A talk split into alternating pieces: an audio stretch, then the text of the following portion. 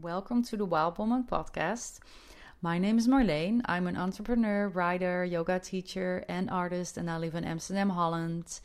Uh, I really want to inspire with this podcast to start to live from your own heart and your own inner guidance, your own intuition, instead of looking at the world around you to guide you. I'm going through this journey myself as we speak, and I'll be sharing a lot of my personal stories, insights, tools, and practices with you so you can step up and start to live the life you're supposed to live. You're so welcome here.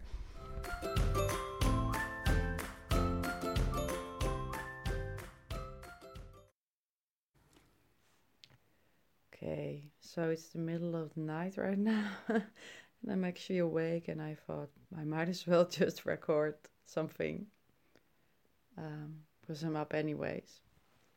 I just did a meditation. Um, so the reason I was up, I was just in my bed and somehow awake and thinking about stuff. And you know the way that goes, right? That you're in your bed and you're awake and you just keep thinking and thinking and thinking and it just you know gets to be this thing where you're just you know overly analyzing everything. And i just kept going back to my breath taking deep breaths but somehow had a hard time connecting back to the body. So i got up and came downstairs and decided just to do uh, a meditation, which worked really well. Um, so I thought, yeah, I just record a podcast about that. And I had a conversation today. Actually, my beautiful son Ben turned four years old today, um, which is kind of it was kind of a crazy day in a sense because normally you would actually celebrate your son's birthday with like have a party and have friends over or family. And now we didn't because of the current situation happening around us where we're all you know being more you know excluded from each other. Um, we decided to just do it with the three of us. So we actually went to the beach which is quite nice.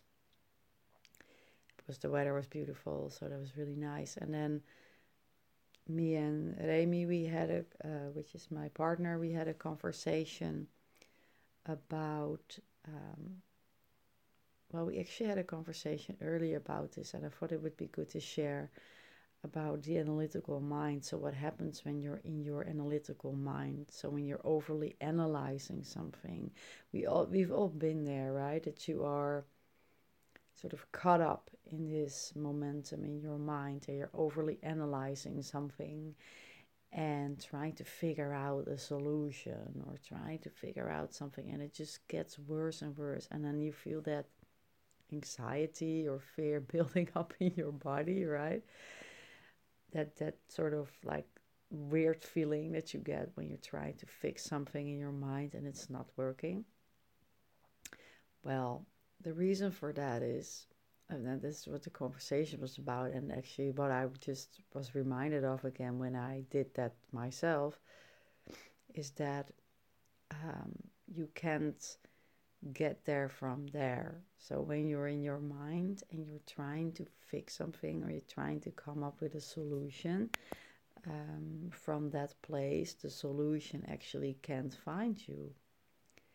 And I think that's really interesting because we've been taught that, you know, in order to fix something or if you have a problem or you're, you're thinking about something right in your life, then you have to, you know, come up with all kinds of different strategies and, you know, overly think it and, you know, come up with a solution in your mind. And we all know that doesn't work at all. It only stresses you out it just really it really stresses you out so it's just not working at all. Um, so what works is actually to let it go completely and to ask for help. And i've learned that in my life that the more i get out of my own way so the more i let go of that struggle that you sort of create yourself by overthinking something so when you actually overthink, you're in high beta brain waves. And when you're in high beta, uh, you're actually in a fight or flight or stress response. And then you actually make the problem much, much worse just by focusing on it, just by overthinking it, and just by over focusing. So the solution is to get out of high beta, over analyzing, back into a state of calm and presence in the moment. And then what I usually do and what I just did in my meditation is I see that I'm overly analyzing, right? I'm in high beta, my brain is just like going crazy and we've I think a lot of us are have been in high beta on and off over the past uh, week and maybe before also with the virus going on and it, it drives your brain into overly analyzing and overly focusing on a problem. And that is the, the state that you rather not be in because it's not helpful right? It's not helpful and it stresses you out and it's not working. So what i do is i shift back. So that's what we call the shift right?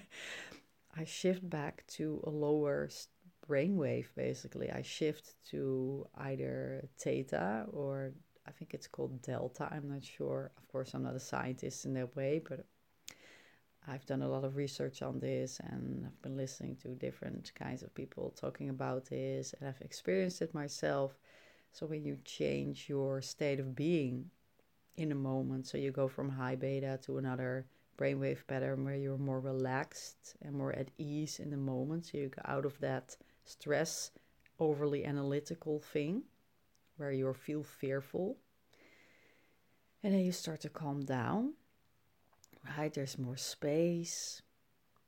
And then what happens is usually when I do that, that's the first thing that I do. And then after that, I actually um, surrender the problem.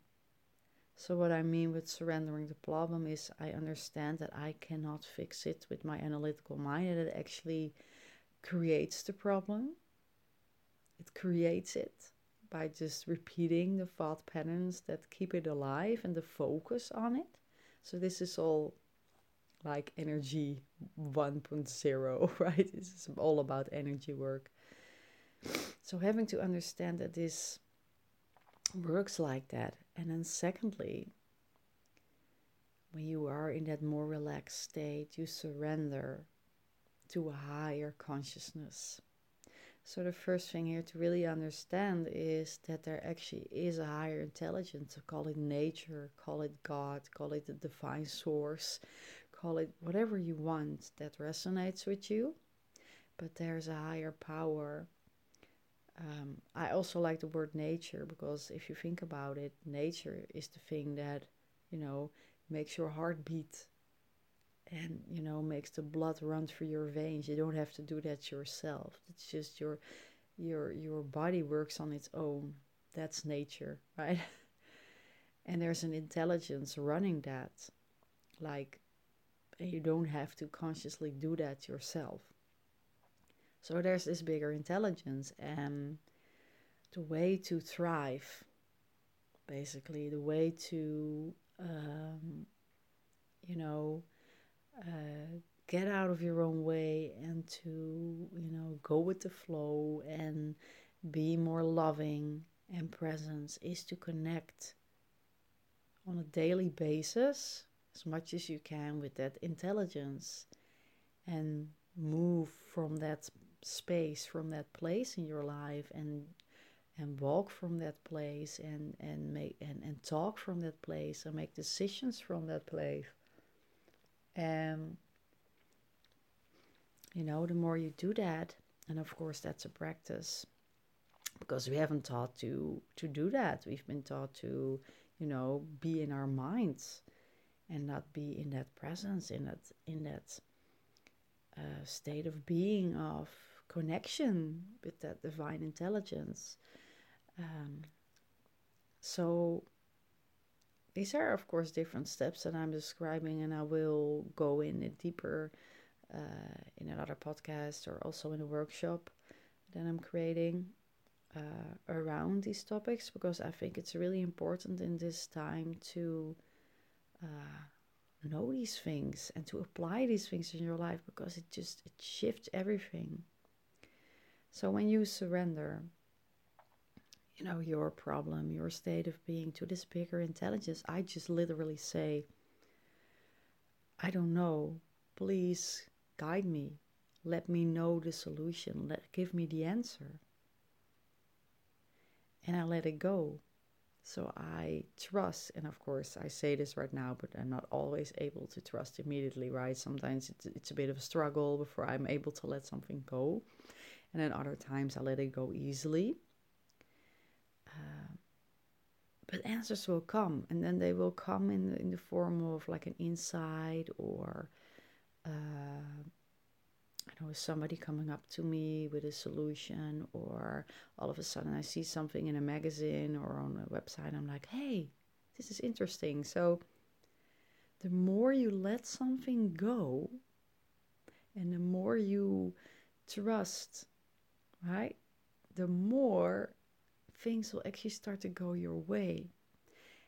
And I think this is such a fascinating thing, especially because what I said before, this is not what we are taught. We are taught to beat the problem to death, basically, and analyze it and write the pros and cons on a list and, you know, overthink it and, and then think about it some more until you drive yourself crazy. And that's how you solve something.